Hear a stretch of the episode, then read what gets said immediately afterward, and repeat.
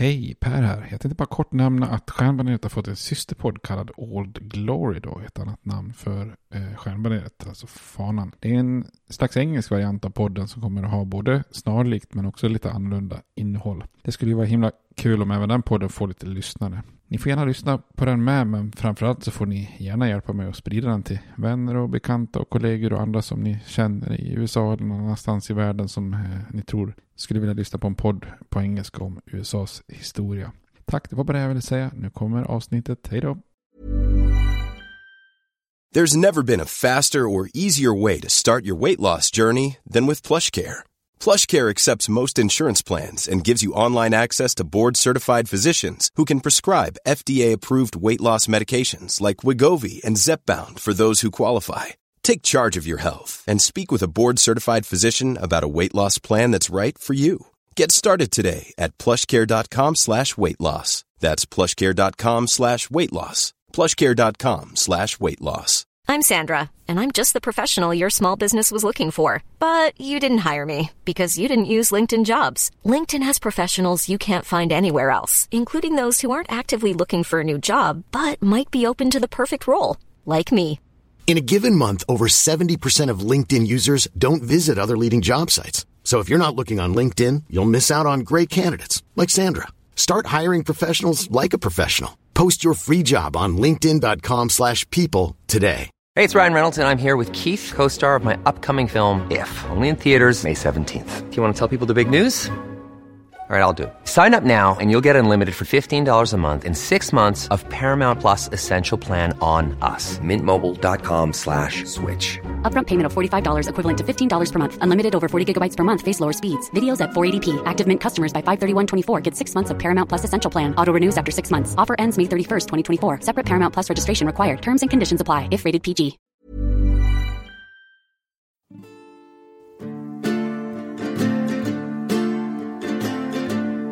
We hold these truths to be self-evident, that all men are created equal, that they are endowed by their Creator with certain unalienable rights, that among these are life, liberty, and the pursuit of happiness. Now we are engaged in a great civil war, testing that government of the people, by the people, for the people, shall not perish from the earth. And so, my fellow Americans, ask not what your country can do for you. Ask what you can do for your country. I have a dream. My four little children will one day live in a nation where they will not be judged by the color of their skin, but by the content of their character. Mr. Gorbachev, tear down this wall. I did not have sexual relations with that woman, Miss Lewinsky. Då hälsar vi välkomna igen till Stjärnbaneret, en podcast om USAs historia. Där vi för närvarande är inne i vår eh, långa mastodontserie om inbördeskriget. Den händelse som kanske mest av allt formar USA någonsin i historien. Mm. Och eh, speciellt välkommen till dig Robert. Tack så mycket Per. Vi sitter ju kvar i vårt, i mitt kök. Ja. Har det gött. Det har funkat bra. Ja, verkligen. Eh, och nu har vi kommit till del nummer, nummer nio. Mm. Och nu ska vi gå in på... Kom ihåg att vi pratade om att vi borde göra fem delar Ja, om inbördeskriget. Att Ja, det- Ett för varje år. Men det där la du ner ganska snabbt. Ja. Och sen Ja, det- har du också då under tidens gång här, när vi såg att det blev fler än fem, det blev åtta kanske. Och sen nu hade du även delat upp ett avsnitt till. Och så tänkte jag att ja, men ni, nionde nu är väl då, då tar inbördeskriget slut. Bara, nej, nej, nej. Det blir minst två till. Ja. Ja, ja, men det kommer nog några avsnitt till här. Ja. att, eh, och, men samtidigt går det fortare och fortare. För det händer ju väldigt mycket 1862. 1861 får man lägga grunden. 1862 händer det mycket. 1863 händer det mycket. Sen 64-65 går det lite fortare. 65 är ju inte mycket till, till krig. Då är det ju nästan över. Liksom så, så att, eh, då blir det lite annat vi får prata om. Som mordet på Lincoln och sånt där. Precis. Spoiler alert. Ja. Fast jag tror de flesta känner till att han mördades. Men, Vill du ta något om vad som hände senast? Vi har ju tagit oss över årsskiftet nu till 63 här. Och vi är väl framme vid tog vi oss så långt fram som till sommaren? eller? Nej, vi kommer fortfarande i nog eh, köra vår och sommar nu då, Mm. 63 här. eh, Vi eh, såg här i, på hösten så hade ju, eh, hösten 62 så hade ju Lincoln bytt ut eh, lite generaler här. De, de tidiga politiska generalerna som eh, till exempel McClellan fick sparken och Eh, han tillsatte några generaler och ville ha en eh, vinteroffensiv här för att följa upp då sin eh, preliminära emancipationsproklamation. Och det gick lite sisådär. Vi pratade om det här stora misslyckandet i Fredericksburg och eh, hur man misslyckades med att inta Vicksburg och eh, hur man vann en knapp seger vid Stones River. Och eh, det här ger ju mycket missnöje på hemmaplan som jag tänkte vi skulle komma till nästa avsnitt. Alltså egentligen vad händer bakom fronterna i nord och syd. Och då kan man ju se då att det bubblar ju väldigt mycket missnöje egentligen både i nord och syd. I nord av att eh, kriget går långsamt och vissa är inte så bekväma med slaveriets avskaffande och så vidare. Eh, båda sidorna är man väldigt kritiska till att, det är så, att det är så många som dör och rekrytering och sånt där. Och i södern är man ju väldigt splittrade i rent allmänt. Och, och eh, Jefferson Davis är kritiserad då, så att säga. Ehm, så att eh, för Lincoln är ju inte nyår 1862-63 sådär jättehappy där. Eh, han tyckte ju att han var i ett ställe värre än helvetet efter slaget vid Fredricksburg. Så att eh, Ja, men jag kunde ändå ana lite hopp över det här, eh, vad hette slaget? Stones River. Stones Ja, River, ja. Då jajamän. kunde man ändå se att det var en liten ljusning för honom kanske då. Japp, och nu, så nu ska vi gå igång här med våren 63 och sommaren 63. Och då kommer det att vara några eh, väldigt eh, stora och betydelsefulla eh, kampanjer här. Eh, som eh, sätter stor prägel på kriget. Men först så eh, går vi över på något trevligt att dricka. Och här har vi faktiskt lyckats nu med att fått ett tips från avsnittet innan. Ja, Ja, ska vi återupprepa vilket tipset var bara? ja. Du tipsade ju om eh, Chimay Blå. Eh, som är en belgisk trappistöl. En dubbel är det väl va? Den är lite mörkare än Precis. Ja. Som är jättefin. Belgare. Och sen har vi precis nu eh, testat eh, det andra tipset som var Grunion IPA. Mm. En mycket prisvärd IPA från eh, Ballast Point. Mm. 15,90 tror jag. Det är bra pris. Ja, det får man säga. Jag misstänker ju att i det bra priset ligger det en stor eh, producent bakom på något sätt. Det vore svårt att få ner priset så mycket annars. Vad, vad skulle du säga om den ölen som vi har provat nu? Tittarna kanske, eller tittarna, eh, lyssnarna. lyssnarna kanske dricker den samtidigt. då. Ja, men det är ju en väldigt klassisk amerikansk inspirerad IPA med, med mycket toner från, eh, från humlen tycker jag. Men lite sådär lagom bitter. Så den, är lite, den är ju nästan svag för en IPA. Ja, det Jag blir den ju. Alkoholmässigt ja. Jag Mm. tänker att en klassisk IPA kanske ligger snarare 6 eh, om den är eh, om det ska vara en hederlig retro brittisk. Men Mm. kanske snarare nästan 7 och ibland 8 om det är en amerikansk. Ja, är vi uppe i dem så blir det väl till och med en dubbel-IPA eller Imperial-IPA. Men Ja, precis. Det är som stiltyp då, om man bortser från att den är lite för svag, så är det väl, eh, som du sa, amerikansk och kanske mest då West Coast IPA skulle man väl säga. Den Ja, är precis. Den är ju ganska besk. Ja, och lite torr, torrare. ja. Ja. finns Men ju fin- en mängd olika varianter på IPA nu. Ja. Som du nämnde förra också. Ja. Med Session och Black och White. Neipa som är New England IPA. Och till och med den här Brutt IPA. Ja, precis. Ja, precis. Ja, den. Den tror jag inte överlever så länge. Det finns någon sorts variant också på en Florida. Mhm. Florida IPA nu också. Som eh, bibliotek hade gjort en variant på. Mhm. Och sen eh, kommer ju de här, eh, det är väl nästan sour, sour IPA nu. Mm. Alltså att man gör en, en suröl fast som ändå är välhumlad då. Det är ju väldigt sällan de två kombinationerna finns. Ja, precis. Det, det ska mycket till om man pull it off. Ja. Mm. Men det här är väl en klassisk modern West Coast. Nej vad sa jag? Klassisk modern? Nej, men, Ja. men modern menar jag då att det är med amerikansk humle. Och med klassisk menar jag då bland de första typerna av amerikansk IPA som då är West Coast IPA. Så den kan vi rekommendera att Yes. ni testar.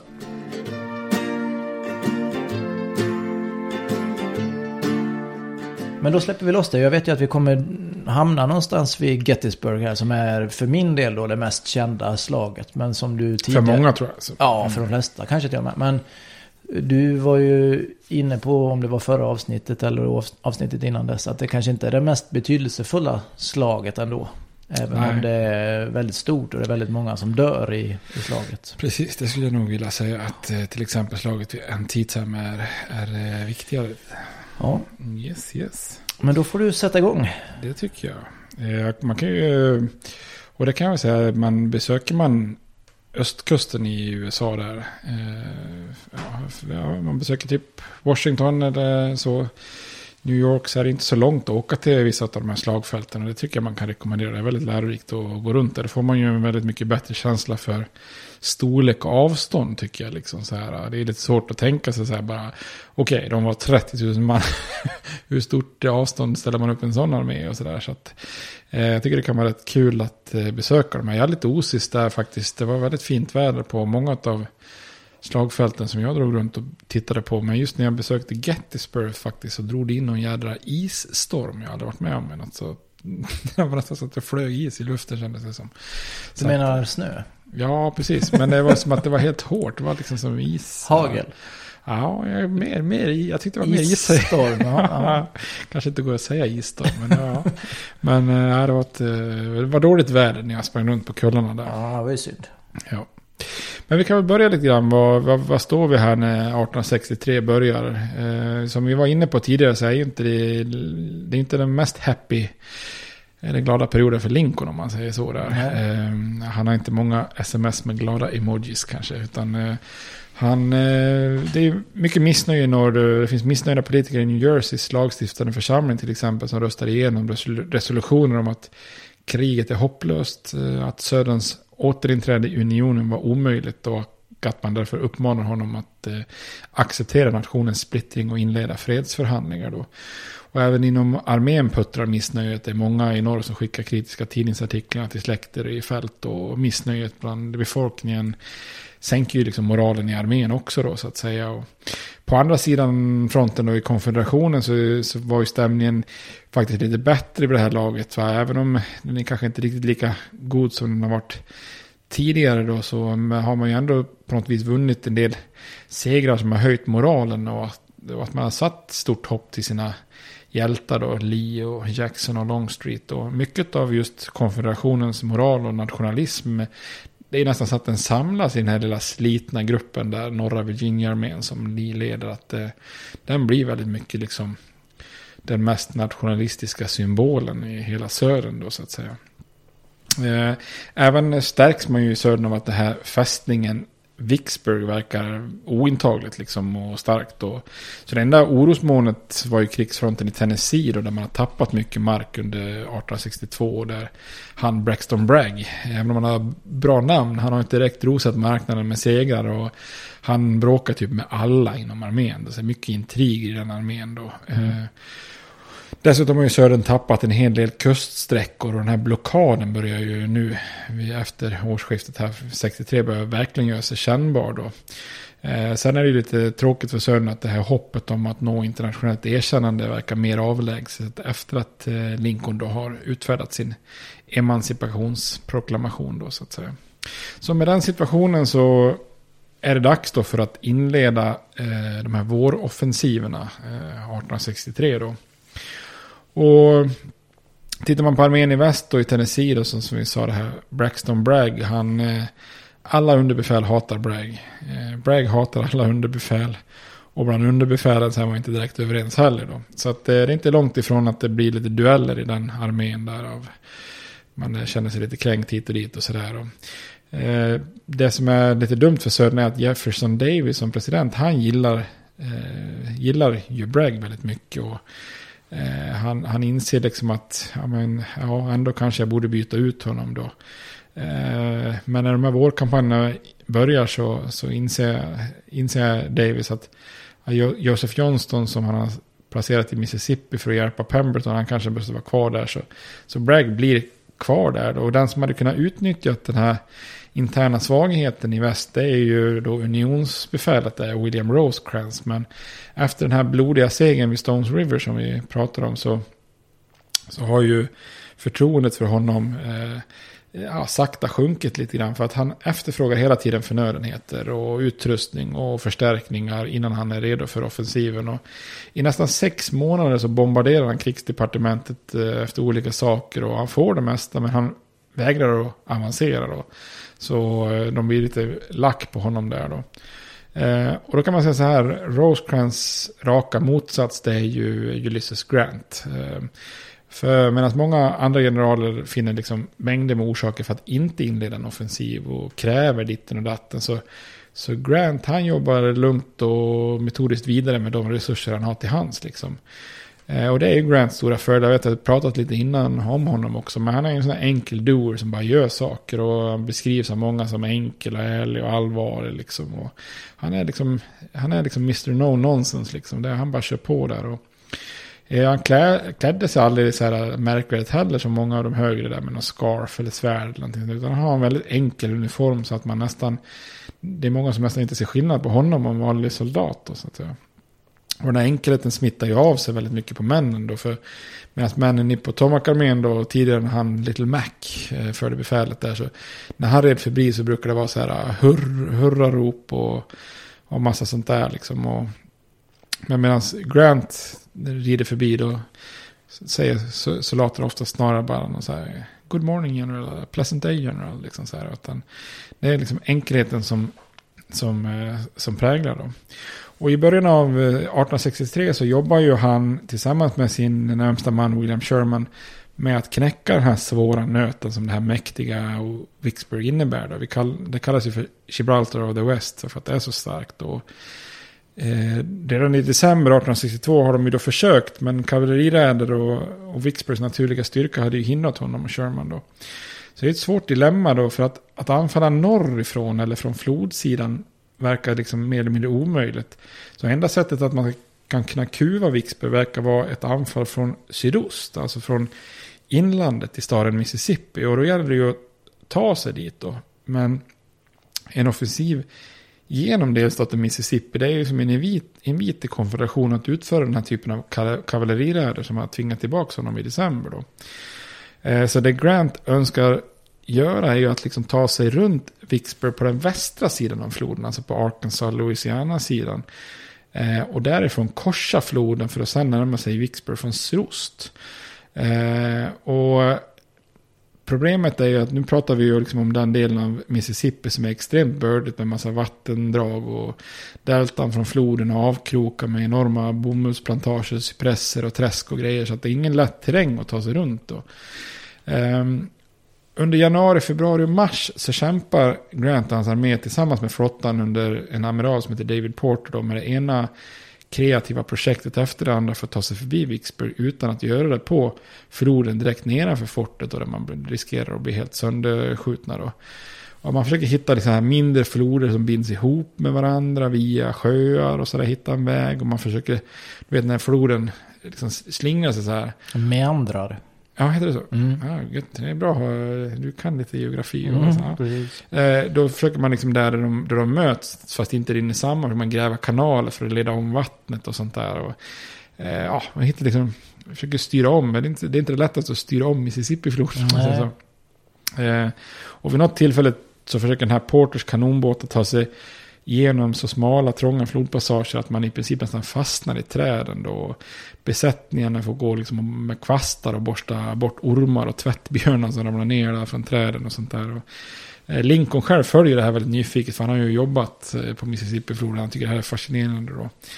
Eh, och Pemberton, han, motståndaren, hans konfererade trupper är ju också hela tiden i vägen och fäller träd och prickskjuter och grejer och så vidare. Då.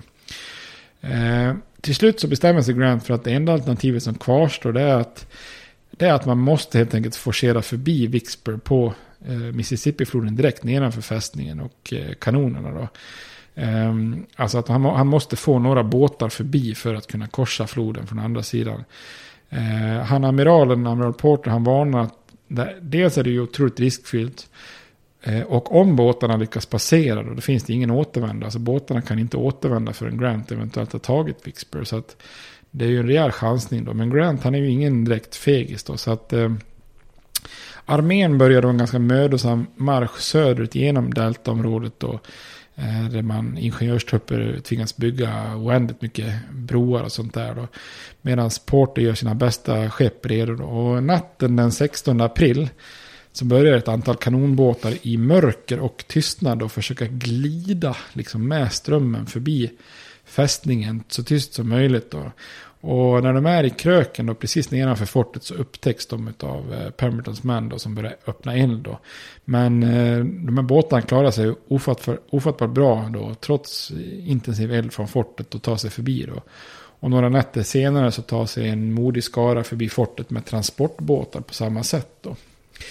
Eh, samtidigt som det här sker då har ju Grant också försökt att förvirra Pemberton genom att släppa iväg en kavalleriräd under en Benjamin Grierson genom i princip hela staten Mississippi. Det handlar ju liksom om att ge tillbaka med samma mynt. Eh, de har ju använt kavalleriräder väldigt mycket så nu använder han det här. Det blir väldigt framgångsrikt därför att Pemberton blir ganska lurad av det här. Det är lite lustigt att Grierson han, är, han har hatat hästar sedan han var liten och blev sparkad i huvudet. Så han har sökt sig till infanteriet men ändå slutar han med att han blir kavalleribefäl. Samtidigt har också en politisk general, Nathaniel Banks, som jag pratat om tidigare, han har eh, avancerat från New Orleans norrut till konfederationens andra fästning som heter Port Hudson. Eh, vilket gör att Pemberton behöver liksom besörja lite för försvar där också. Så att den här förvirringen gör att Grant den 29 april ostört med hjälp av båtarna kunde korsa Mississippifloden från den västra till den östra sidan med sin armé en bit söder om Vicksburg. Så att nu är han liksom djupt nere i Mississippi, har korsat floden söder om, om, om eh, Vicksburg, det stora fästet, då, för att inleda sin kampanj. Då. Eh, dagen efter så besegrar han en mindre styrka av, från Pembertons trupper då vid Port Gibson. Eh, och sätter fart. Då. det här, nu är ju Grants kampanj en rejäl chansning, för nu befinner han sig helt i fiendeland. Han befinner sig söder om sitt mål. Han har helt kapat av all försörjning norrut. Han har ingen som helst flyktväg. Och eh, han har en numerärt överlägsen fiende framför sig. Eh, Med målet att erövra en av de starkaste fästen som konfederationen hade haft under hela kriget. Så att nu, eh, nu är det liksom en rejäl chansning. Men han känner samtidigt att han har lärt sig en läxa då när hans kampanj tidigare misslyckats. Och hans försörjningslinje kapas. Att då insåg han att man kan ändå försörja en armé ganska så bra i fiendeland också genom att ta saker man behöver. Då. Eh, och istället för att marschera rätt norrut mot Vicksburg så sätter han av nordöstlig riktning då. Eh, vilket gör Pemberton väldigt förvirrad då. Eh, den 12 maj vinner han en till drabbning i staden Raymond. Och den 18 i Raymond och två, två dagar senare så marscherar han in i Mississippis huvudstad som heter Jackson. Eh, och från Jackson då så är det bara raka vägen västerut mot Vicksburg då för att anfalla fortet bakifrån så att säga. Eh, och nu börjar ju Pemberton förstå planen och sådär så nu koncentrerar han sin armé. Och eh, den 16 maj så, så drabbar, drabbar man samman vid Champions Hill, det är det största slaget under den här kampanjen. och Grant vinner det här slaget och pressar sig förbi Pemberton. Eh, vinner igen med en flodövergång dagen efter vid Big Black, Big Black River. Och eh, den 18 maj så retirerar Pemberton in i det trygga, trygga Vicksburg, då, försvaret. Då. Eh, Grant följer efter och kan ju då börja inleda en belägring. Då. Eh, och då är han ju mer säker, Grant, för då har han ju e-, etablerat koppling med floden igen då och eh, tryggat kommunikationerna norrut. Då. Och det här är lite spännande. Det här är ju det här är en kampanj som ibland bara nämns lite grann i, i förbifarten. Eh, eh, alltså, och det här är ju liksom kanske en av de framgångsrika, om inte den mest framgångsrika kampanjen under hela kriget då. Eh, det är liksom ett, ett lite av ett mästerverk, för totalt har ju Pemberton fler män i regionen. Men trots det så lyckas Grant ha flest män på slagfältet i samtliga fem drabbningar under april-maj här då. Eh, och hela kampanjen har gått på tre veckor och nu har han stängt in då rebellerna i en fästning som länge verkade helt omöjlig att nå. Och han har chansat att kapa sina försörjningslinjer trots att armén stod inför extrema geografiska hinder. Så man kan väl säga så här om man ska jämföra, man brukar säga så här, vilka var de, den mest eh, avancerade eller framgångsrika kampanjen under hela kriget så kan man säga Ibland nämns ju eh, Stonewall Jacksons den här Shenandoah-kampanjen där han marscherar väldigt snabbt fram och tillbaka. Då. Men eh, Grants Vicksburgskampanj är väl nästan minst lika skickligt utför, eller utförd och, och sett till riskerna och utmaningarna och, och liksom vad man vinner med den så är ju Grants kampanj eh, mest framgångsrik av, av alla kampanjer i kriget utan jämförelse egentligen skulle man säga då. Nu är inte kampanjen över här i maj 1863 då för Vicksburg är ju Vicksburg är ju en formidabel fästning då och Pemberton är ju inte besegrad. Så Grant anfaller både den 19 och 22 maj liksom rätt mot de här befästningarna men eh, slås då tillbaka med ganska stora förluster. Så att eh, Grant får ju då lite bittert inse att det här får ju bli en lite mer långdragen och metodisk belägring. Men har man väl nått så långt så brukar ju belägringar mm, förr eller senare bara ha en utgång. Så att det är ändå en ganska stor eh, framgång. Då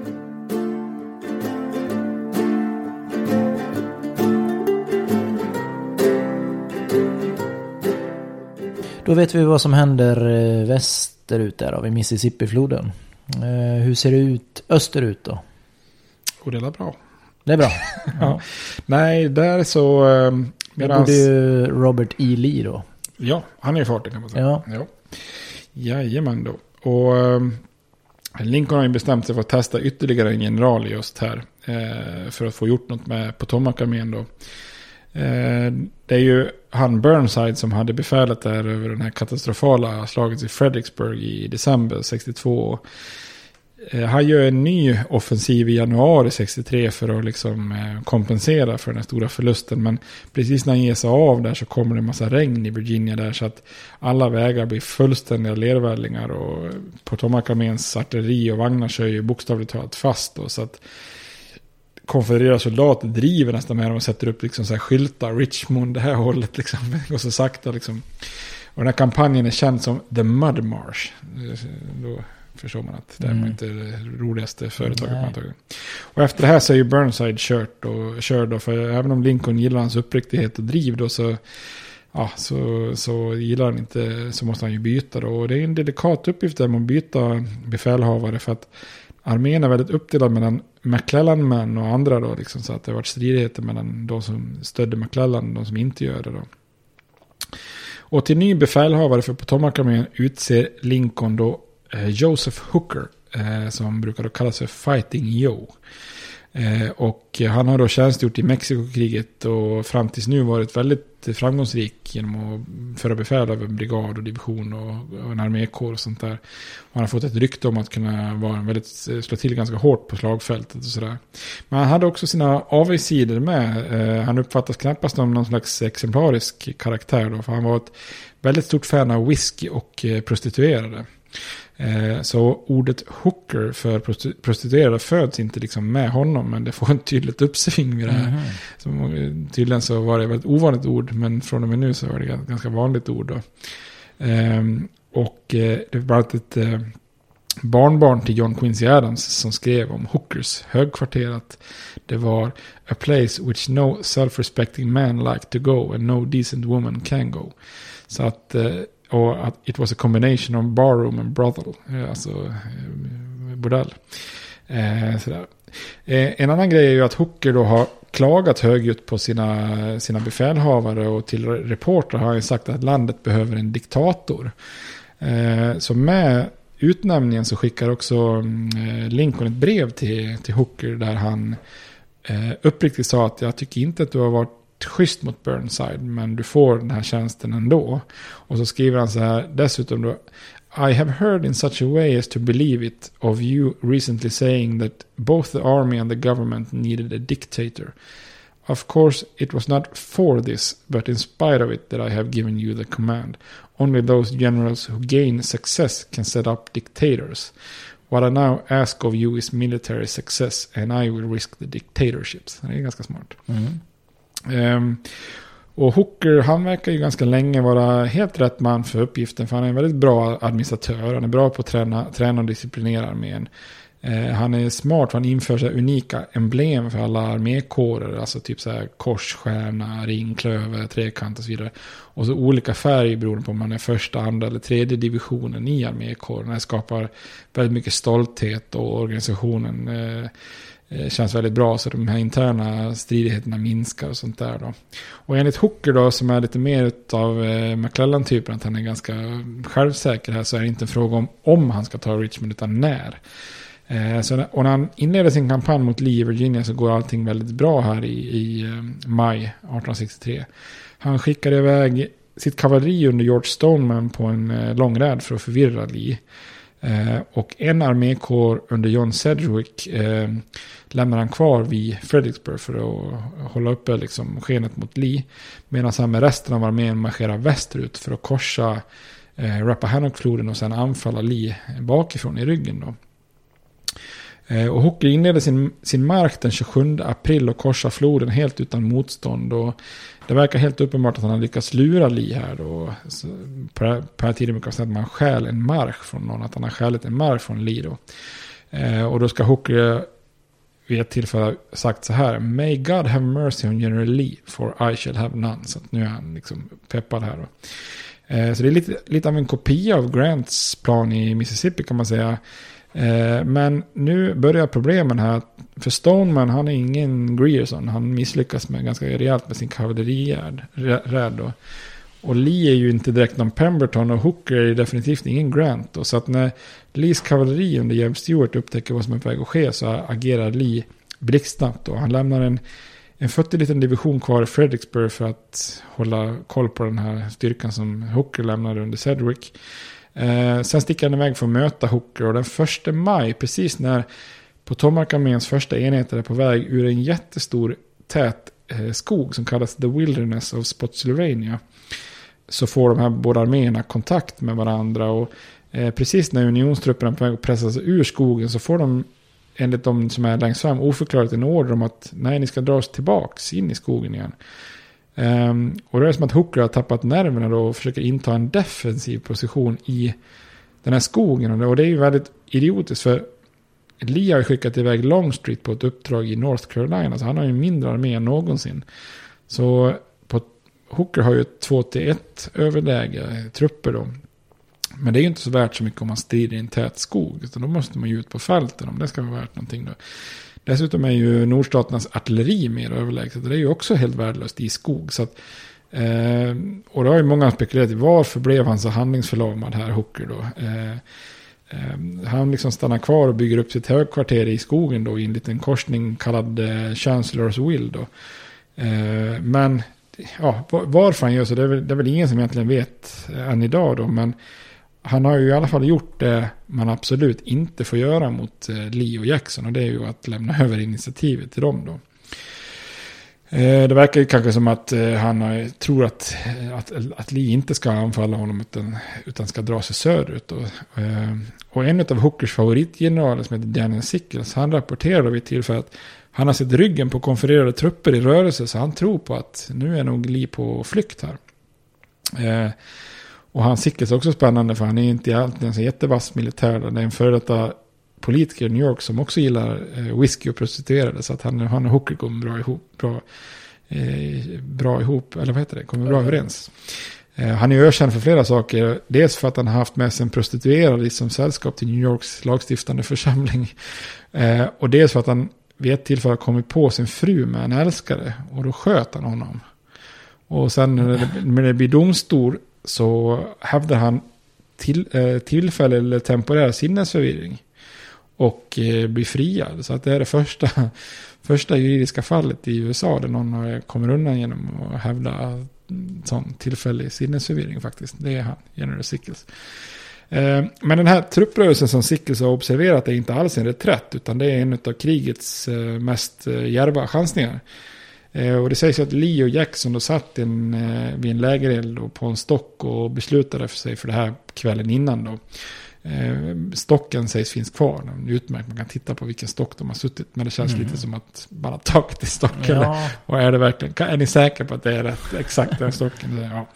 Men det är i alla fall finns mycket så här morgnar och man sitter och tittar över några kartor där på en stock då så att säga. Men Det gör att han struntar helt i, i militära skolböcker och liksom då för andra gången på, eh, på bara några dagar så delar han sin armé i två halvor då. Eh, inför en numerärt eh, överlägsen fiende, vilket då alla teorier säger, liksom, det får du inte göra liksom. Så Stonewall Jackson får med sig 70% av armén och eh, följer då en liten väg, eller snarare stig i skogen som några av de lokala liksom, killarna i armén känner till. Då. Eh, och det är den här rörelsen som Sickles observerar då. Men det Jackson gör är att han tar sig runt och ställer upp för att anfalla Hookers högerflank då. Och Hookers högerflank är vad man brukar säga in the air. Alltså det finns ingen naturlig förankring eller skydd för den. Utan den tar bara slut där i skogen. Och där precis ställer Jackson upp sina män för att bara slå in då och anfalla då. Och det är ju liksom ingen som tror att eh, här mitt i den djupa skogen, hur skulle det kunna komma ett anfall här? Och då kommer det typ så här 28 000 man farande där. Så sent på eftermiddagen så startar Jackson sitt anfall då. Och den första överraskningen som de som får ta den första hårda smällen det är tysk-amerikanska trupper under en eh, general som heter Frans Siegel. Eh, brukar säga att hans trupper sa, sa sig I fight Smiths Siegel. Mm -hmm. eh, och eh, de har inte så bra rykte om sig att vara bra. Liksom sådär. Och de liksom ser det plötsligt, bara, vad är det här för någonting? Bara, bara väller det djur liksom, i lägret. Det, bara, det, har ju, det blir som en stor drev då med de här trupperna ja, fram. Det. Så det bara springer rådjur och harar och grejer. Och bara, vad, fan, vad, är, det som händer? Och, och sen helt plötsligt så bara kommer Jacksons trupper då som ett... Eh, börjar skrika det här Rebel Yell, liksom anfaller dem då. Och då är ju Hookers högerflygel helt kört då, för under, under två timmar innan mörkrets eh, fall då, så sveper Jacksons trupper fram och liksom pressar tillbaka fienden flera kilometer och tar över 4000 fångar då. Eh, och en efter en försöker Potomac-arméns enheter komma över den här överraskningen och ge motstånd, men de hinner liksom inte. Eh, sen på kvällen då så behöver Jackson ta en paus för att omgruppera och sådär. Och då är han ute på en liten rekognosering med sin stab då, några andra generaler. Och när de är på väg tillbaka så blir de beskjutna av egna trupper som är lite trigger-happy och nervösa. De vet inte vilka det är, så de skjuter. Och då träffas Jackson eh, i både högra handen och eh, vänstra armen då. Och de konfererades framgång har ju varit väldigt stor hittills. De, eh, men situationen är lite kritisk för Lee och hans eh, Jacksons högerflank eh, har ju inte hunnit fram och liksom kroka arm med hans vänstra, eh, eller med Lis eh, andra då, del av armén. Så att Hooker befinner sig egentligen teoretiskt mitt emellan Lis arméhalvor fortfarande. Eh, men Hooker under natten så drar han tillbaka sig lite grann ytterligare och då lyckas ju Lee koppla ihop sina linjer. Så då helt plötsligt så är han ju helt plötsligt väldigt, eh, eh väldigt bra situation igen för, för Lee då. Eh, och när det Hooker gör då är att han beordrar den här Sedgwick som är vid Fredricksburg att, att han ska närma sig Lees rygg. Och när Lee förstår att det händer så gör han samma sak igen. Han agerar blixtsnabbt. Han lämnar, tar med sig en massa trupper, slår till mot Sedgwick, tvingar honom över floden, flyttar tillbaka trupperna för att slå till mot Hooker igen. Så det spelar ingen roll, han liksom hela tiden förflyttar trupper och, och, och löser det hela då. Och genom att dra sig tillbaka så har ju Hooker också övergett den enda större gläntan som finns i hela den här uh, The Wilderness-skogen då som kallas för Hazel Grove. Och där kan ju då Lees uh, artillerichef ställa upp hela artilleriet med 30 kanoner och bara börja bomba loss då. Och ett av de här skotten träffar pelaren på en veranda där Hooker har sitt högkvarter och slår, slår liksom i kull honom där. Så att eh, eh, han blir ju väldigt omtumlad över det här. Men eh, som de brukar kommentera ibland. Slaget hade ju inte kunnat bli sämre skött av honom ändå. Liksom, så här, fastän det är sådär. Eh, och Lee eh, anfaller ju då igen då. Eh, och eh, det här övertalar ju Hooker om att slaget är förlorat. Så han beordrar bara en total reträtt tillbaka över floden då. Eh, och då är ju slaget vid Chancellors Will över då. Eh, och när nyheter om ännu en stor förlust för Potomac med Norr Lincoln här på våren då så bara hans första reaktion är han säger bara My God, My God, what will the country say? Och en av republikanerna, Charles Sumner, han säger bara lost, all is lost, säger han bara. Så att nu tror verkligen flera att det här är inte bra, så det går inte att slå Lee här. Då. Eh, så Chancellors Will är ju en taktisk triumf då för Lees det här är ju kanske Lees främsta slag själv då, så studerats av många militära akademier världen över. Eh, och det är ju ett bevis på det här goda samarbetet mellan Lee och Jackson. Att bara flytta trupper hela tiden och slå till och så att säga. Då.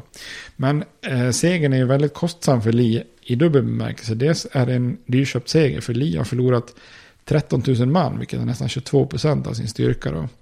Eh, Medan Hooker bara har förlorat 17, eller bara, men han har förlorat 17 000 man, vilket är 15 procent av sin styrka. Då. Eh, men den är också väldigt kostsamt i att det är slut på det här goda samarbetet med Stonewall Jackson. Då, för att hans eh, skada i vänsterarmen är allvarlig så att eh, ben, benet i överarmen är krossat så att armen behöver ju amputeras.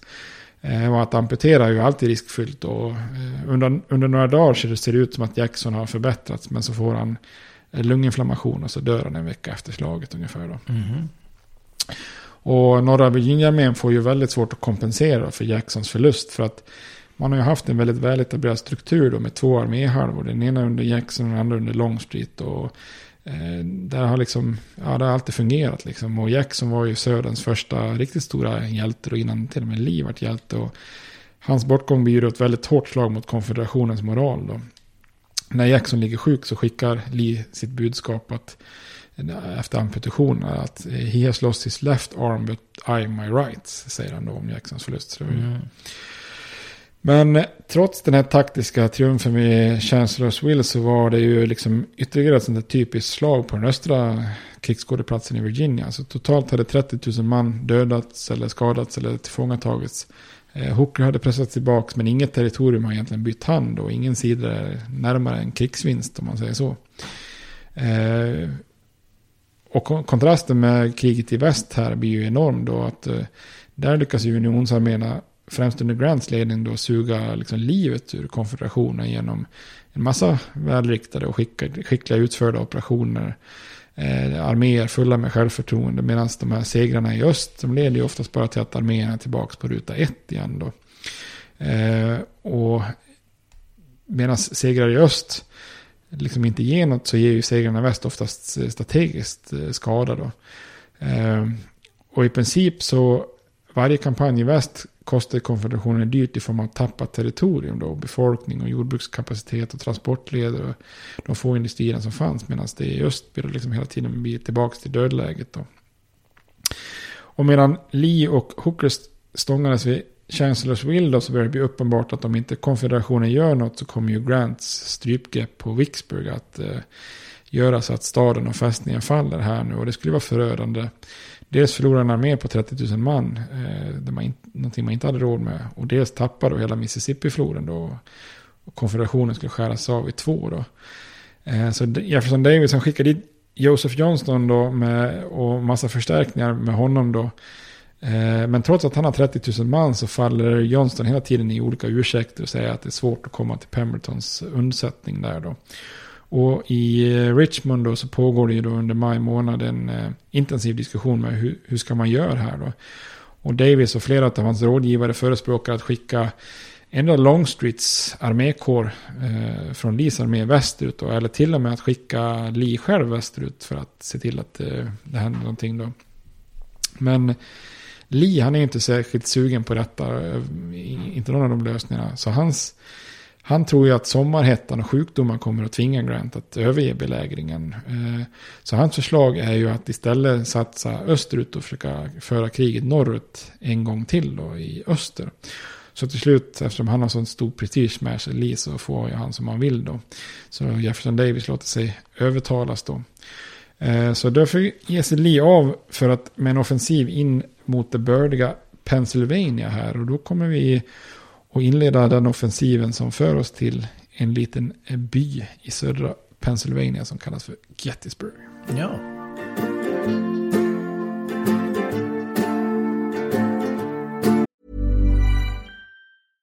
Hiring for your small business? If you're not looking for professionals on LinkedIn, you're looking in the wrong place. That's like looking for your car keys in a fish tank.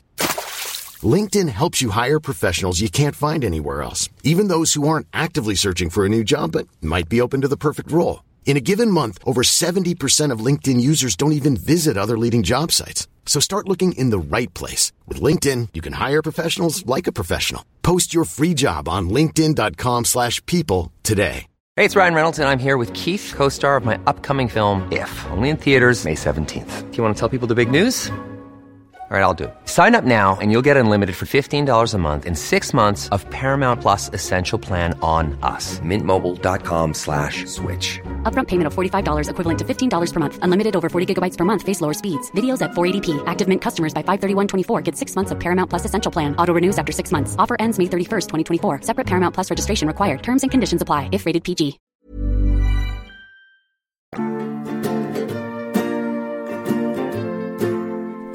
Ja, då har vi äntligen tagit oss fram till Gettysburg då.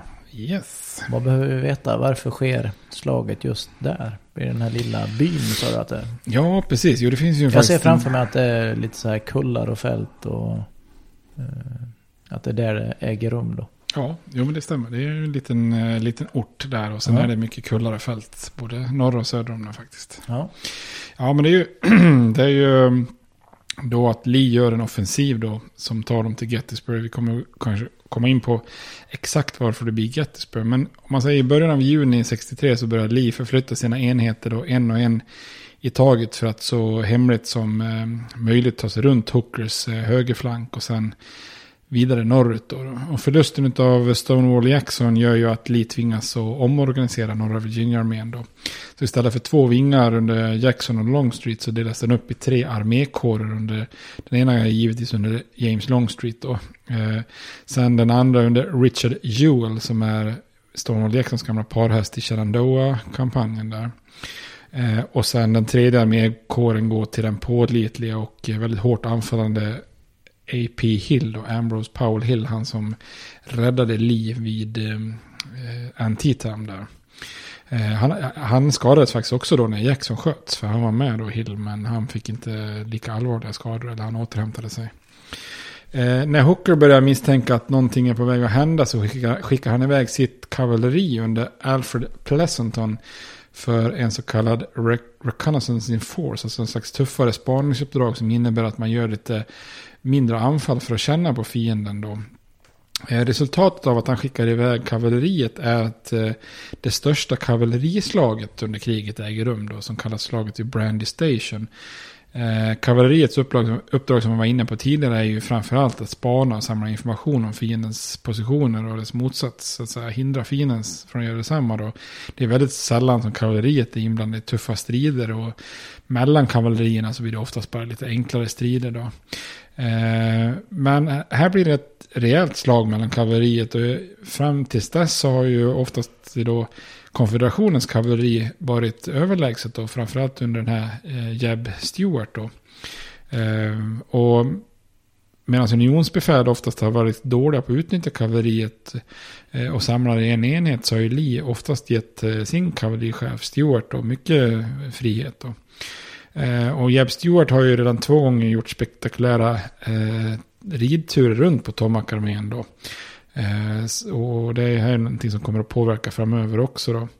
Eh, lite kuriosa kan man säga att två av Stewarts, Jeb Stewarts underbefäl i kavalleriet var Fitzhugh Lee och Rooney Lee som är då Robert E. Lees brorson och son. Mhm. Men nu här då i juni 63 så börjar unionskavalleriet komma upp i sin motståndares standard. Då. Så när Pleasanton genomför en eh, överraskningsattack den 8 juni eh, så inte nog med att de överraskas då, de sydstatskavalleriet här. Stewart själv, han är för tillfället borta i staden Culpeper för att eh, planera en pampig parad för kvinnorna. Han är ju väldigt så, jag tror vi pratar om det, han är väldigt så, tycker om det liksom pompiga. Eh, sådär, så. Eh, och under större delen av dagen här så strider man med, med galopperande hästar och sablar svingandes och sådär. Och till slut så anländer då konfedererade infan, infanteriet och avgör den här drabbningen så att eh, unionskavalleriet dra, behöver dra sig tillbaka då. Men den här Brandy Station var ju ett väldigt hårt slag mot Stewarts stolthet. Eh, att han lyckas nästan förlora då här för första gången. Och det här kommer att påverka och kosta Lee dyrt som vi kommer att se här. Eh, mer om det alldeles strax då. Men eh, eh, Pleasantons kavalleri kan i alla fall rapportera för Hooker då att Lee har börjat röra sig norrut då. Eh, Hooker han, är, han har liksom inte riktigt känsla för den här Lincolns oro över Washingtons skydd. Så han föreslår att Eh, då är det bättre att jag anfaller Richmond då. Eh, och tålmodigt så meddelar Lincoln eh, Hooker att i think Lee's army and not Richmond is your truly objective point här. Så att, eh, eh men så Hooker han har liksom inte riktigt återhämtat sig efter den här förlusten med Chancellorsville. Och han börjar krångla om den här garnisonen i Harpers Ferry igen. Då. Eh, och då väljer Lincoln till slut att byta ut honom. Så den 28 juni, vilket faktiskt bara är några dagar här innan eh, slaget då, så ger han befälet över Potomac-armén till George Meade. Eh, George Mead, han är en stabil, eh, han är inte alls så i jämförelse med Hooker så flashig och, och så, utan han är mer en tråkig general så sett. Men han är väldigt stabil och bra administratör och, och sådär. Eh, han kunde tidvis ha lite uselt humör faktiskt och ihop med sitt lite egendomliga utseende så kallas han ibland för Old Snapping Turtle.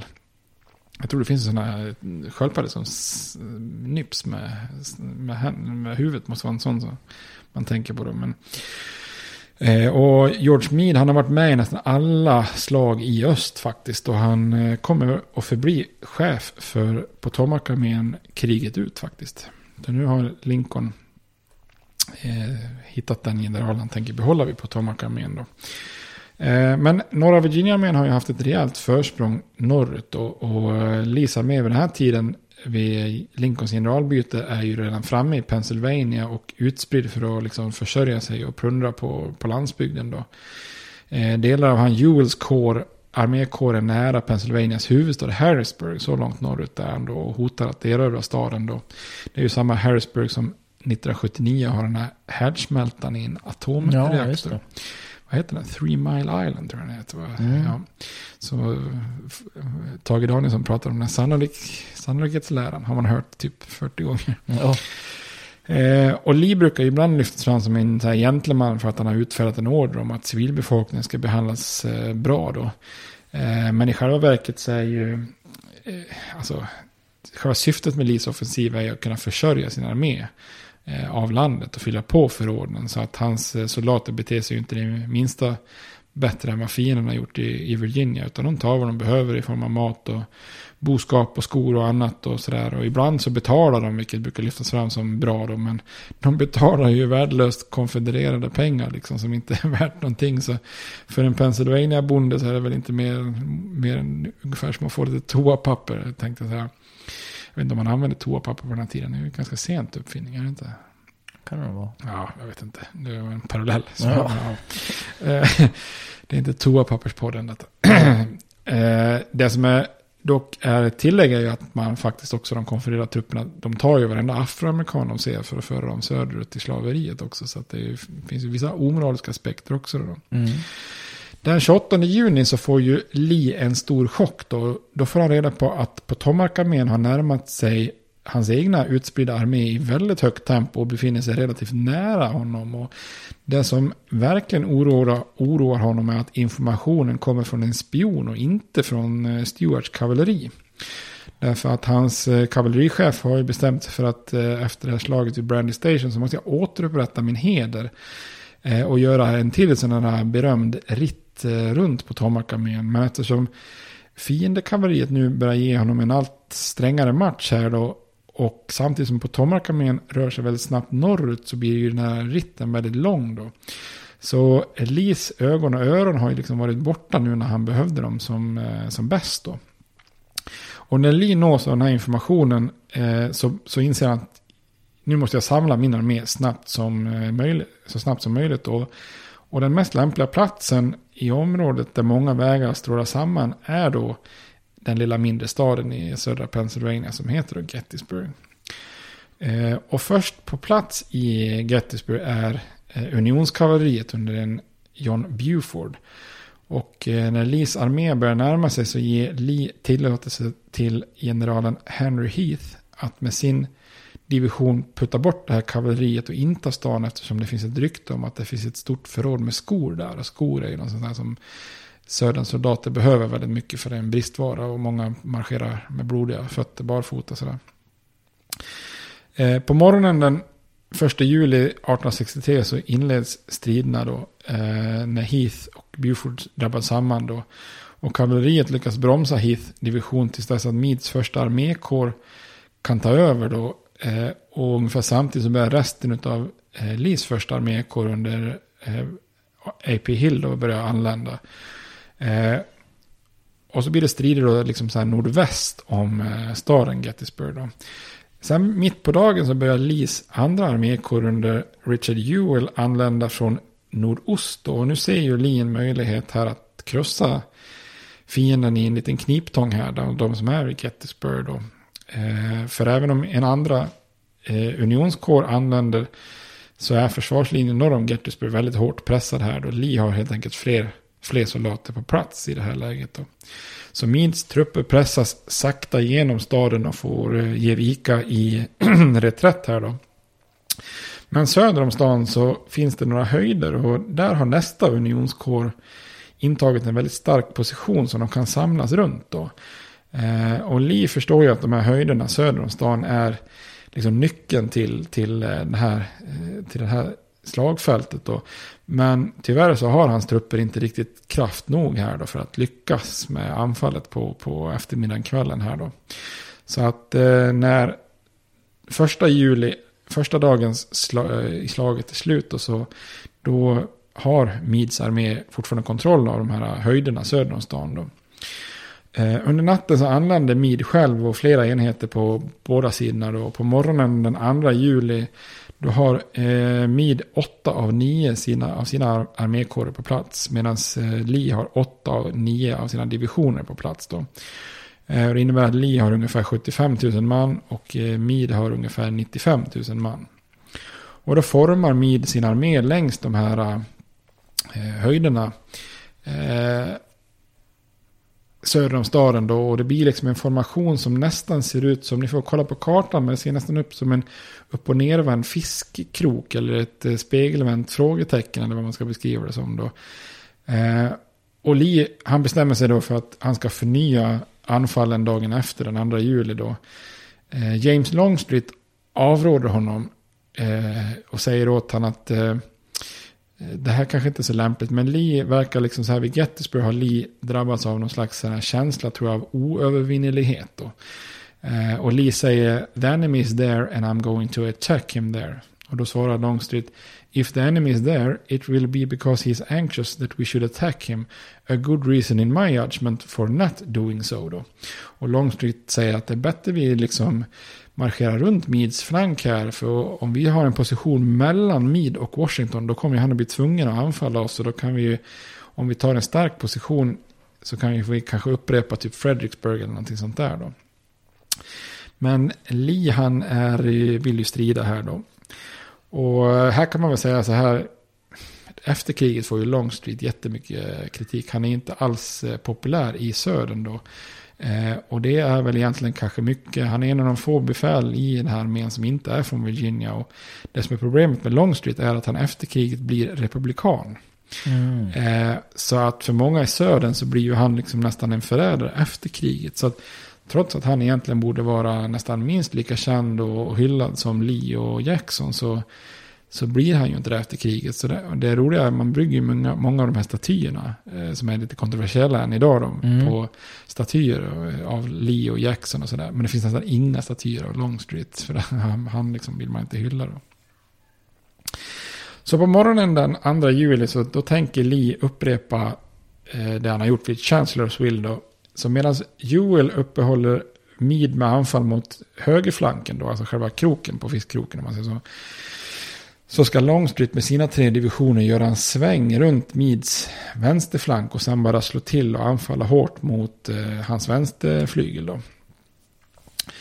Eh, när anfallet ska börja då så blir båda sidor lite förbryllade för att eh, unionsarméns position har lite hastigt och lustigt förändrats där. När Longstreet ska anfalla. Du har den här Daniel Sickles, han som hade tagit med sig en prostituerad till lagstiftande församlingen mm, mm. och skjutit sin eh, frus älskare så. Eh, han har trotsat Meads order och flyttat fram sina positioner till, till några höjder framför den positionen som Mead hade tänkt sig. Då. Eh, och på förmiddagen så anfaller Longstreet då mot Sickles och tvingar tillbaka hans trupper över en plats kallad Devil's Den och genom ett känt vetefält. Då. Eh, och det här har ju Sickles fått väldigt, väldigt mycket skit för. Att han liksom trotsade order och flyttade fram liksom. Eh, och det kanske mer är för honom som person kan jag tänka mig. För att den här, i och med att han har flyttat fram positionen så splittras Longstreets anfall ganska mycket. Och eh, det här ger Mead möjlighet att ordna en, annan försvar, en andra försvarslinje på de här höjderna som han egentligen hade tänkt att Sickles skulle skulle försvara då. Eh, för det är ju de höjderna man inte får tappa då. Men det här går ju åsikterna isär otroligt mycket liksom beroende på vad man eh, tycker. Ändå tycker man fortfarande att eh, det här var, hade kunnat varit ännu bättre om Sickles inte hade flyttat fram. Eller också säger man att det var det som räddade Mid ja, mm. fram och tillbaka. Eh, Longstreet är i alla fall på väg att rulla upp hela Mids vänsterflygel då. Men eh, både Mid och flera av hans generaler pres, pres, presterar väldigt bra. Så de öser fram förstärkningar till den vänstra delen av slagfältet. Då. Och det är ju desperata strider längst ut på Mids yttersta vänster då, på en liten höjd som kallas för Little Round Top. Och det är ju här som filmen om Gettysburg och boken då som den bygger på gör ett eh, väldigt stort eh, hjälte av det här regementet 20th Maine då.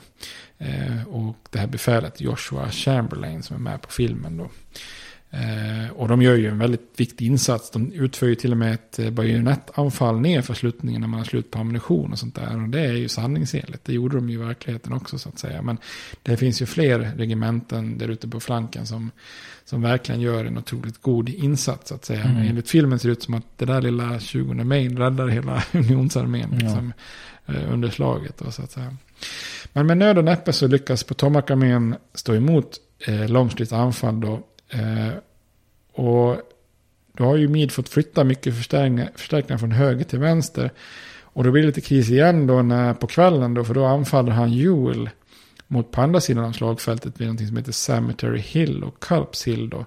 Men man lyckas ändå hålla emot och stå emot där då. Så att, och här kan man säga att för ovanlighetens skull så är det flera av Lees generaler som lite underpresterar. Medan många av generalerna i Potomac-armén gör extremt bra insatser, Till exempel Mead själv då. Och så finns det en som heter Winfield Scott Hancock som är väldigt, eh, väldigt framgångsrik här också. Då.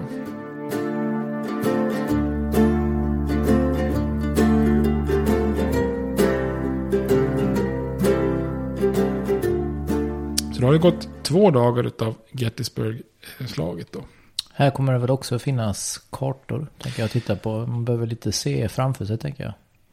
Det blir mycket mer begripligt om man har en karta framför sig. Ja. Eh, verkligen. Nej, och det är ganska tydligt Gettysburg det här med positioner. Man ser liksom hur, eh, ja man förstår liksom hur de har tänkt tycker jag när man tittar på, på kartorna. Eh, så striderna den 2 juli har ju varit intensiva, både första och andra juli, men framförallt andra juli då. Och hade slaget tagit tagit slut här så hade det ju ändå varit ett av de större slagen så att säga. Men Lee han har ju inte fått nog nu. Han, eh, han vill försöka en gång till. Eh, och han tänker så här att jag har försökt mot båda flankerna. Nu ska jag anfalla rätt i mitten centralt. Ja, bra pekat. Mm. Det, det, ser inte ni lyssnare men Robert pekar väldigt... Eh, Rakt fram. Ja, dit ska vi. ja.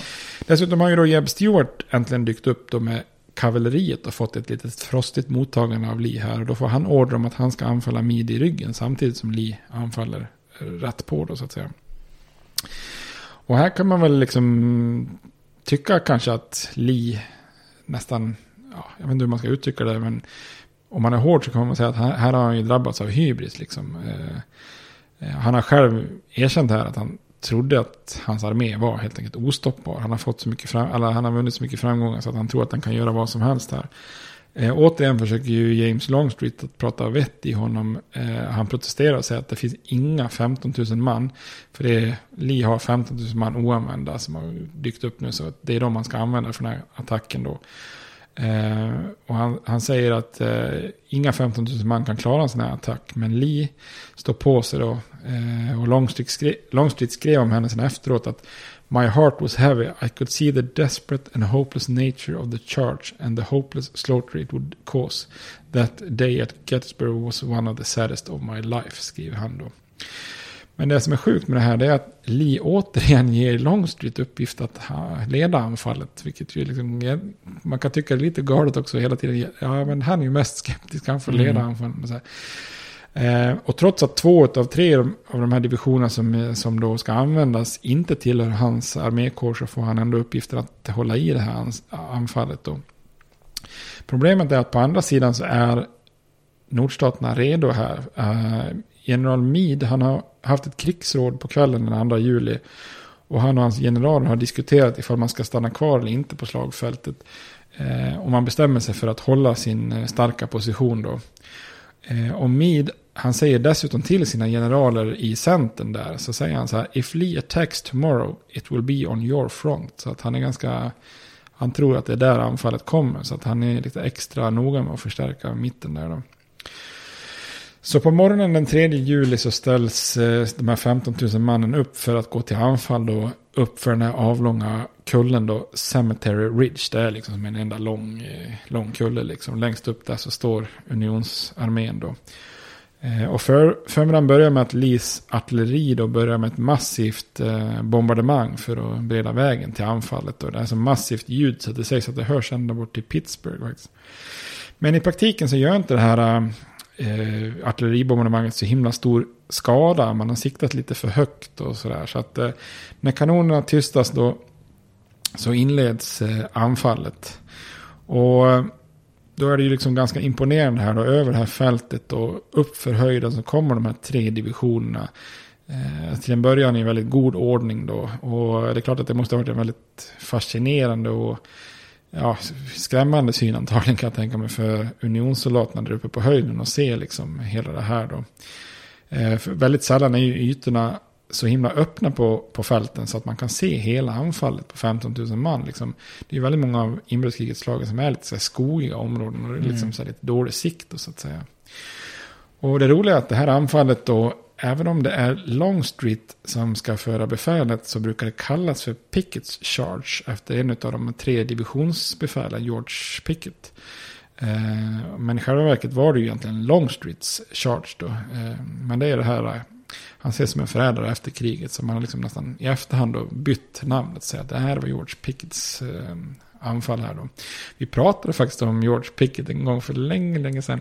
Då när vi pratade om eh, det här konstiga griskriget. Eh, ja, nära Vancouver i, i nordväst där. Ja. Så då de amerikanska trupperna där, då fanns ju bland annat George Pickett med där i, när det höll på att bryta ut krig ja, där över det här bort. grismordet. det här är länge sedan. Ja, precis. Jo. Eh, så att George Pickett får liksom vara lite så här, stå lite som eh, symbolen för det här anfallet då. Så det kallas för Pickett's Charge, eller Picketts anfall. Eh, och när de har avancerat en bit över det här fältet upp för höjden då, så börjar ju unionsartilleriet att bomba de här leden med förödande salvor. Och när man till slut närmar sig krönet så, så möts man ju då av synkad infanterield och eh, delar av en mur ska man ta sig över. Så det här är inte helt lätt då. Eh, det är några tappra enheter i en brigad eh, som leds av Louis Armistead som tar sig över då muren och, och, fram. Liksom så här. Men utan reservtrupper och sådär så... Eller ut, eh, reservtrupper från Meads eh, styrkor kastar ju tillbaka dem eh, ganska lätt då så att säga. Och sen är det bara till att springa ner för slänten igen då mm. efter misslyckandet då. Och även Stuarts, kaval Stuarts kavalleri misslyckas eh, i sitt anfall då. De stoppas faktiskt av en nyligen ung och befordrad ung general som heter George Armstrong Custer. Faktiskt, som Jaha. ju blir känd 13 år senare då, när han dör i slaget vid Little Big Horn. Mm.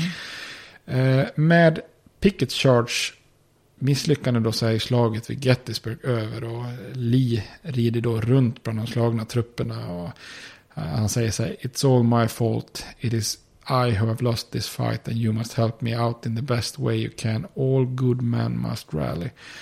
Eh, och Lee trodde faktiskt att Meade skulle anfalla nästa dag. Eh, han stannade kvar på slagfältet ändå, men...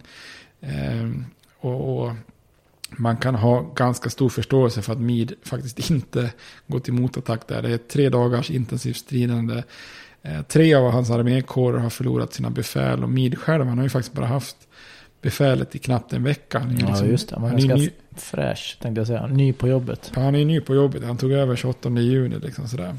Så den 5 juli så inledde Lee eh, en reträtt tillbaka mot Virginia. Och, och han hamnar i en ganska svår situation då för att det är väldigt högt vatten inne på Potomacfloden så att han kommer inte över. Och där hoppas ju Lincoln att desperat liksom att Meade ska kunna följa upp den här segern och ge Lee dödsstöten då. Men eh, det kanske var mer hopp än realism då. Jag tror Meade nästan mer chockad över att ha vunnit än att över en oövervinnad Lee än vad Lee är chockad över att ha förlorat kanske man ska säga Mm. Eh, så Gettysburgslaget är ju det största slaget under inbördeskriget och eh, förlusterna var ju... Är det därför det har blivit mest känt? Ja, jag att tror det är det så också. stort då? Att det är så mycket inblandade? Att Li får stryk då naturligtvis? Ja, också. precis. Mm. Jag tror det. Det finns många faktorer. Och, och så är det liksom på något vis där, ja, någonstans in i kriget som man känner att nu är det någon slags avgörande på något vis tror jag. Men jag tror framförallt bara det är för att det är stort. Och så Ja. är det väldigt mycket kontroverser där kring Longstreet och sådär. Och det är nog också väldigt eh, lätt att studera när det är så öppna ytor och sånt där också. Så att, eh, men eh, Meade förlorar ju ungefär 3200 eh, döda på tre dagar. Eh, 14 500 skadade och 5 400 saknade. Eh, Lee förlorar 4 700 döda, 12 700 skadade och 5 800 saknade. Eh, eller tillfångatagna då. Så det är ganska stora siffror på tre dagar för de här två arméerna. Ja, verkligen. Eh, Så under hela Gettysburg-kampanjen har alltså båda arméerna tillsammans förlorat ungefär 57 000 man. Oj. Så man kan förstå att det är lite missnöje på hemmaplan. Det är ganska Ja. lätt att man känner någon som har drabbats. Liksom, så att säga. Men i norr så jublar man ju att Lee faktiskt har besegrats för första gången. Alltså Antietam var ju en seger men där sjabblar ju McClellan så mycket så att det är ju svårt liksom nästan att se det som en, som en vinst liksom där. Men här är det ju faktiskt en, en rejäl vinst liksom.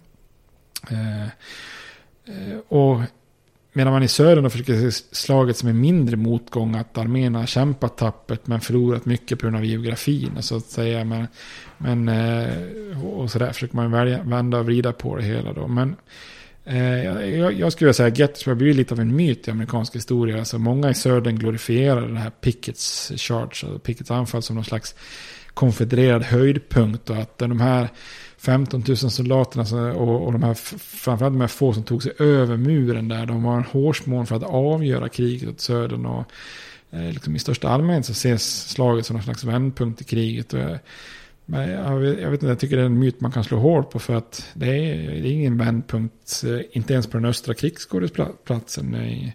Definitivt inte för kriget. Och det är visserligen ett av de största slagen, men sätter man det i perspektivet så Eh, krigsslutet, kom, kommer ju inte närmare för någon av sidorna bara för att Gettysburg utspelar sig då. Eh, och man kan säga så här, om man ska sammanfatta den östra krigsrundan, så från det att Lee tar befälet över norra Virginia-armén under Peninsula-kampanjen i maj 1862, fram till dess att Grant börjar styra saker i maj 64, så är kriget i öster helt låst. Alltså, nordstaterna kontrollerar Virginia norr om de här Rappahannock och Rapidan-floderna. Sydstaterna kontrollerar allt söder om de här floderna. Då och då så kan man säga att tar sig den, e- den ena sidan eh, arméer över floderna in i den andras territorium. Och ofta blir det något större slag som till exempel Landra Bull Run, Antietam, Fredericksburg, Chancellorsville eller Gettysburg. Eller också blir det någon mindre kampanj som vi kommer komma in på Mine Run eller Bristol Station där det inte blir något slag utan mest manövrerande. Men oavsett om det är norra Virginia-armén som korsar floden norrut eller om det är Potomac-armén som korsar floderna söderut så när det här slaget och kampanjen är över så är man liksom tillbaka där man var. Så det blir liksom en slags död, dödläge där ingen sida kan sätta in någon avgörande liksom stöt. Så Lee klarar inte av att befinna sig på offensiv eh, någon längre tid. Liksom. Eh, men hans fiender klarar inte heller av det, liksom, att befinna sig på offensiven någon längre stund. Då. Så det, det enda man egentligen orsakar är ju mer blodbad, men det är ju aldrig någonting av strategisk betydelse som byter händer liksom, med de här. Så Gettysburg är inte någon... Jag, jag ska inte säga att det är något Söderns högvattensmärke eller någon stor vändpunkt. Då tycker jag ju Antietam är betydligt större vändpunkt eh, i och med att då kommer ju emancipationsproklamationen och Londons stöd står på spel och så vidare. Så att ska man prata om Söderns högvattensmärke så kanske man får gå tillbaka till Bull Run 61 då, så att säga. Mm. Och de enda följderna av Gettysburg-kampanjen var ju att Potomac-armén, eh, man ska se något positivt från norr, är att man äntligen lyckas matcha norra Virginia-armén rejält. Då. Att, eh, och, och Lee och hans med, armé de kunde ju ta med sig mycket nya hästar och förnödenheter tillbaka till, till Virginia. Och det är väl möjligtvis där man, som de har vunnit de här båda arméerna. Då. Men i all glorifiering av Lee och hans armé så ska man inte glömma att skillnaden från en Potomac-armén gör offensiver och befriar slavar. Så tog ju Lees armé och kidnappade flera hundra afroamerikaner tillbaka i slaveri. Så man kan nästan säga att moralen var högre liksom med, med, med nordstaterna då. Eh, så i södern så pratar man ju nästan fortfarande om yankee-vandaler. Men kontrasten är ju snarare att rebellvandaler också är kidnappare och slavhandlare om man ska mm. jämföra den här. Då.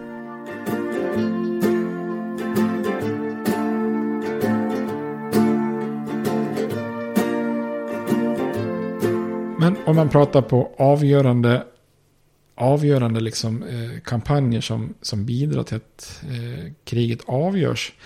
Så är det ju så att den kanske främsta segern som nordsidan vinner kommer dagen efter Gettysburg på själva nationaldagen den 4 juli. Mm. Vad tror du händer då, då? Vad kan hända då? Då faller Vicksburg till Grant. Ja, Grant. vi har inte riktigt avhandlat Vicksburg där. Ja, precis. Belägringen har gett resultat. Precis. Och eh, jag tänker väl att det blir väl inget stort slag då. Då skulle man ha tagit. Utan det blir mer att de ger upp eller? Ja, precis. De Men har... är det för att man har hört talas om Gettysburg också eller? Nej. Nej, det, det, det så fort går det inte att Nej. kommunicera i princip där. Men eh, det är ju Grant, han har ju liksom ätit sig närmare och närmare där, eh, försvararna i, i, i Vicksburg då. Samtidigt som man har försökt att motat bort den här general Joseph Johnston då, som ska rädda Pemberton i, i ryggen där då. Så han har ju lite tvåfrontskrig där, Grant. Och ju längre belägringen pågick så desto mer desperat blev ju Pembertons situation då. Förnödenheterna började bli riktigt små då. Man går ner på väldigt små ransoner. Och både trupper och civilbefolkningen i staden som, som ligger innanför försvarsverken börjar bli allt mer desperata. Så det sägs att katter, hundar och andra djur börjar helt plötsligt eh, så att säga, försvinna liksom. Eh, och bli uppätna där. Och de första dagarna i juli så är man bara ett tiotal meter från försvarsverken där har grävt gångar och sådär. vid flera tillfällen så har Grants trupper byggt tunnlar in under försvarsverken och sprängt sönder delar av dem då. Eh, och Pemberton eh, har ju hittills fått fram förstärkningar och hållit ställningarna. Men i början av juli är det uppenbart att eh, Grant när som helst kan gå till anfall över hela linjen. Och då kan de inte längre stå emot då. Så Grant hade egentligen satt den 7 juli som dagen då han ska göra ett stort anfall. Då. Men den 3 juli, samma dag som sista dagen i Gettysburg, så ber Pemberton om att få förhandla då. Eh, så att eh, den 4 juli, eh, dagen efter, är förhandlingarna klara och Pemberton kapitulerar då. Bara tre dagar senare så kapitulerar även fästningen Port Hudson då, längre söderut inför Nathaniel Banks trupper. Och då, i och med det då, så har ju nordstaterna äntligen kopplat greppet om hela Mississippifloden. Då. Så då är konfederationen kluven i två, två delar. Då. Eh, tre resursstarka delstater eh, som blir relativt orörda av kriget blir ju ändå isolerade då, eh, väster om Mississippifloden. Då. Och nordstaterna kan återigen börja frakta handelsvaror längs floden. Då. Så Lincoln konstaterar i ett tal att The Father of Waters, som man kallar, kallar Mississippi-floden för, Go again unvexed to the sea. Så att nu är han lite nöjd. Det har varit mm. en av hans stora mål då hela tiden. Eh, det som är allvarligt för konfederationen är ju att Pemberton då, eh, alltså när han kapitulerar så förlorar de en av sina tre största arméer då, på 30 000 man. Då. Och det är ju trupper som är oersättliga för konfederationen. Då. Eh, så erövringen av Vicksburg är ju nordstaternas största strategiska seger under hela kriget. Och det är en briljant kampanj skulle man kunna säga. Ett väldigt stort pris att vinna och strategiska effekter som södern aldrig kan hämta sig ifrån. Då. Eh, och som många i norr uttryckte det så var ju 4 juli 1863 den bästa självständighetsdagen sedan 1776. Då. Jaha. Det tycker och, man inte i södern då. Nej, det knappast. Och när nyheten når Lincoln dagen efter så säger han så här. Grant is my man and I am his for the rest of the war. Så nu har han förstått vem som liksom behöver eh, verkligen eh, styra skutan då, den militära. Ja. Och i fredsförhandlingarna har ju Grant också gått med på en så kallad parole för de kapitulerade. Alltså en slags villkorlig frigivning. Det är en ganska vanlig företeelse där i början av kriget att Eh, Eh, fångar friges villkorligt mot att de ger sitt hedersord på att de inte tar till vapen igen förrän de är utväxlade mot en fiendesoldat. Då. Eh, som, som har gjort samma sak då eh, och som kan friges från ett militärfängelse. Då. Alltså man byter en gubbe mot en annan gubbe då. Eh, som en slags fångstutväxling. Eh, skillnaden är att man inte behöver sitta i något fängelse då med risk för sjukdomar utan att man kan befinna sig på hemmaplan då helt enkelt. Eh, Men det här är ett system, det bygger ju helt på heder och ärlighet från båda sidorna och det fungerar ju ofattbart bra fram till Vicksburg. Men eh, när en desperat konfederation inte kan hålla sig från att fuska och sätter in många av de här soldaterna från Vicksburg i leden igen utan något sånt här utbyte så leder det till att nordstaterna avbryter den här praxisen. Eh, så från juli 1863 så börjar också militärfängelserna på båda sidor att fyllas på i ganska dramatisk takt, takt i jämförelse med början av kriget. Så att eh, det kommer vi att prata mer om sen framöver. Fängelserna och vi kommer att prata om det här ökända anderson då. Och Grant har ju fått mycket kritik för att han gick med på de här villkoren vid Vicksburg. Men alltså, det var ju en praktisk omöjlighet att ska han transportera 30 000 fångar norrut till, till fängelser som inte hade plats för så många. Det är ganska, var ju ganska svårt då så att säga. Eh, Meads seger vid Gettysburg och Grants triumf vid Vicksburg sker också samtidigt som han Rosecrans sätter fart. Mm. Eh, och han har en framgångsrik kampanj som heter Tullahoma-kampanjen då. I början av juni så har han äntligen kommit iväg då efter en, en massa tjat från Lincoln och dem då. Han gjorde säkert en, en fylking, Lincoln, där, äntligen. Eh, och med sin Cumberland-armé då så manövrerade han bort Braxton Bragg, vår eh, favorit i repris här. Eh, och kunde ju efter några mindre strider egentligen ta hela centrala Tennessee ner till gränsen till Georgia. Eh, och Braggs försvarsposition i, den här, i de här bergiga terrängen hade varit liksom väldigt bra och stark. Så att Rosecrans förmåga att, att liksom inta olika bergspass och lura Bragg var ju ganska imponerande. Eh, men den här kampanjen har ju oftast hamnat i skymundan då för Gettysburg och eh, Vicksburg då.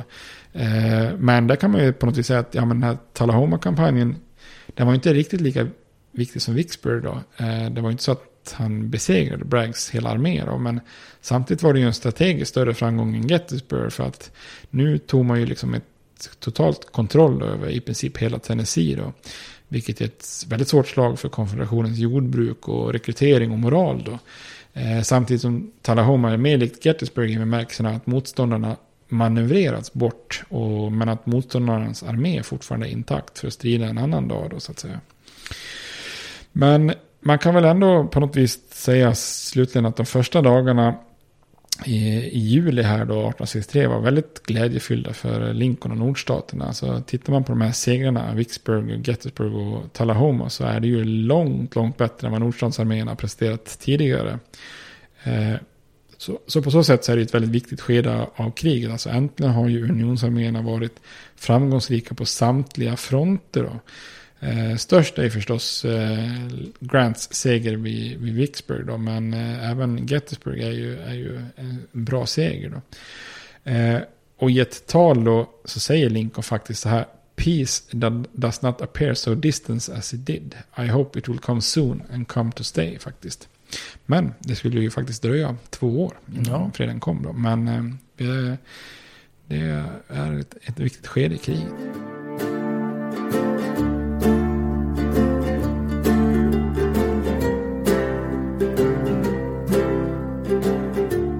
Spännande. Mm. Då har du Gettysburg, var det, kom, du har sett filmen eller var det som du minns eller? Ja, alltså jag, jag, jag kan inte ha... eh, Det är länge sedan jag såg den filmen också då, men jag har inte jättetydliga bilder av den. Jag kommer ihåg han huvudrollsinnehavaren. Eh, Tom Berenger var det va? Eh, ja, precis. Nej, ja, vänta, Tom. Ja, han spelar Longstreet va? Ja, jag tror det. Och så var det han eh, Richard, nej vad heter han? Eh, vad heter han? Nej, eh, Martin Sheen va, som spelar eh, Ja, ja, pappan, ja. Lee. Ja. Ja. Ja. Och det är Jeff Daniels som spelar han eh, Chamberlain och 20th Main. eh, Ja, just det kan nog stämma, Mm, ja. just det, det är det nog ja. Ja, den är ju bra. Ja, precis. Vi har ju sågat uh, Gods and Generals Ja, som de precis. skulle utspela sig före här. Och, Ja. Gettysburg är ju bättre, Ja, bättre film får man säga. Ja, verkligen. Det bygger ju på någon slags novell det där. Men... Ja. Mm. Uh, nej, sen trodde nog jag mer, eh, ja det blir ju spännande att se fortsättningen här nu. Jag trodde nästan att kriget var nog slut här då. Att efter detta så återhämtar de sig aldrig riktigt. Men att det skulle ta upp till två år hade jag nog inte. Det tidsbegreppet kanske. Ja, lite mitt. Ja, egentligen. Om man hårdrar det så är kriget fyra år. Det, det här är ju i princip lite drygt två år in. Då. Ja, just det. Mm, Men den filmen får vi väl rekommendera då. Vi har ju nämnt den tidigare men. Ja, den, är bra. den är väl ganska bra? Eller hur minns du den? Är den Jo, jag tror- historiskt? Jag tyckte den var väldigt eh, korrekt Ja. eh, så sett. Eh, Den var lång för mig, över tre timmar. va, eller? Ja, den är också räknas som en mastodontfilm i Ja, sådana jag fall. vet att det var en dubbel VHS. Ja, det kan stämma. Ja, den kanske finns på MP3 eller så, kanske för fyra. Ja, kan det finnas. Ja, ja. ja, vad har du mer för tips? Nej, du har ju själv tipsat om det här spelet som du körde väldigt mycket. Sid Ja, Meier's just uh, Gettysburg då. Ja, det är roligt. Eh, Det måste ha kommit någon gång när vi flyttade ihop i Karlstad och började studera där. eh, 97, 98 någon gång kanske. Ja, Vi hade det på Precis. PC då. ja, Man spelade. Och så kunde man spela upp delar av hela slaget. Ja, man flyttade trupper och grejer. Ja. Och man kunde testa och köra svåra grejer då. Som när man var i underläge. Som ja. eh, de konfedererade. Och så skulle man ta sig ur någon knipa där. Och, ja. Kommer ihåg så var det mycket musiken. Typiskt tv-spels Ja, visst. PC-spels. Ja. Så det kan man väl rekommendera. Jag vet inte om det finns någon retroupplaga. Det måste gå att ladda ner på något sätt att spela. Det var ju till, till någon av de här Windows-varianterna. Men det, det må, jag vet inte hur kompatibla de är nu med. Det borde ju komma på PS4. Ja, det tror jag inte. Det, tror jag inte du ska räkna med. Okej, okej. Men det kanske finns på någon annan konsol. Sån här Ja. retro, som du sa. Det kan det nog finnas. Ja, Jag älskar sådana här strategispel. Jag tycker de är ja roligast. för sjutton. Ja. Gud vad mycket timmar man har lagt på det Om här. man ska bygga upp och man ska... Ja. Fan. Jag har lärt mig att jag blir, det, det är som knark så att jag måste sluta. Jag, jag kan inte börja för då fastnar jag. Nej, det var väldigt kul. Mm, ja. Musik tror jag faktiskt att jag sparar här. För det, som jag nämnde tidigare, så är det med Sherman. Han är väl igång och härjar här nu. Men eh, jag tror jag sparar den låten lite. Så det får- bli både, bara film då och ett spel blir det den här. ja, film och spel. Ja, Ja. Är det okej? Det är okej. det är Jag tror ändå vi har varit igång över en timme nu. eller? Ja, faktiskt. Jag vet de längre avsnitten. Ja. Men har man klarat av Chancellorsville, Gettysburg och Vicksburg så då får du förtjäna över en timme. ja, Ja. det tycker jag. Tycker jag. Ja, men bra. Vad blickar vi framåt till nästa avsnitt då? Vill du göra någon liten framåtblick? eh, som jag nämnde innan, jag tänkte vi att vi i eh, nästa avsnitt eh, ska kika lite grann på hemmafronten. Ja. Vad, vad händer bakom linjerna? Ja, så okej. politik och, och missnöje och som vi kommer att se så här ett stort, stort uppror i New York faktiskt. Okej, mot, eh, när man i norr också inför så kallad draft, alltså en slags värnpliktsvariant. Ah, så att säga. Och då sker ett jättestort upplopp där man dödar många afroamerikaner faktiskt Aha. i ren ilska. Då. Mycket irländare så att, eh, Ja. som eh, går loss där. Eh, och sen så eh, ska vi se hur konfederationen återigen gör en sån här kraftsamling i väst. kommer två stora slag som heter Chickamauga och Chattanooga. Ja. Eh, och så tänkte jag att vi skulle prata lite grann om Lincolns eh, Gettysburg-tal som var väldigt Ja, känt. det är välkänt. Ja, sen så eh, efter det så är det egentligen bara 1864-65 kvar då.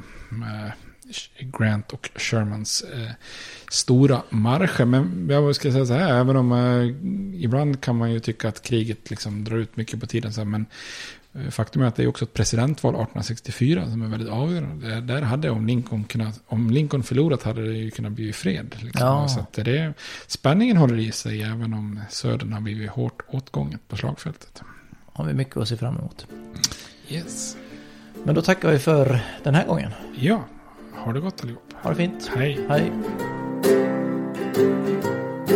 States like these and their terrorist allies constitute an axis of evil. And if the hippies and the yippies and the disruptors of the systems that Washington and Lincoln as presidents brought forth in this country will shut up and work within our free system of government, I will lower my voice.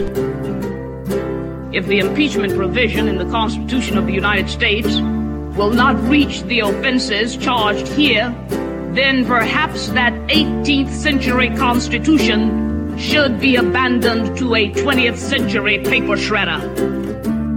Therefore, I shall resign the presidency effective at noon tomorrow.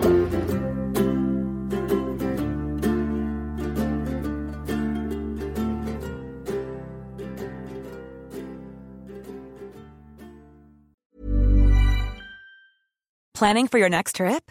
Elevate your travel style with Quince. Quince has all the jet setting essentials you'll want for your next getaway, like European linen, premium luggage options, buttery soft Italian leather bags, and so much more. And is all priced at 50 to 80% less than similar brands.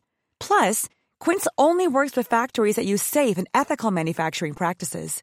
Pack your bags with high-quality essentials you'll be wearing for vacations to come with Quince. Go to quince.com slash pack for free shipping and 365-day returns.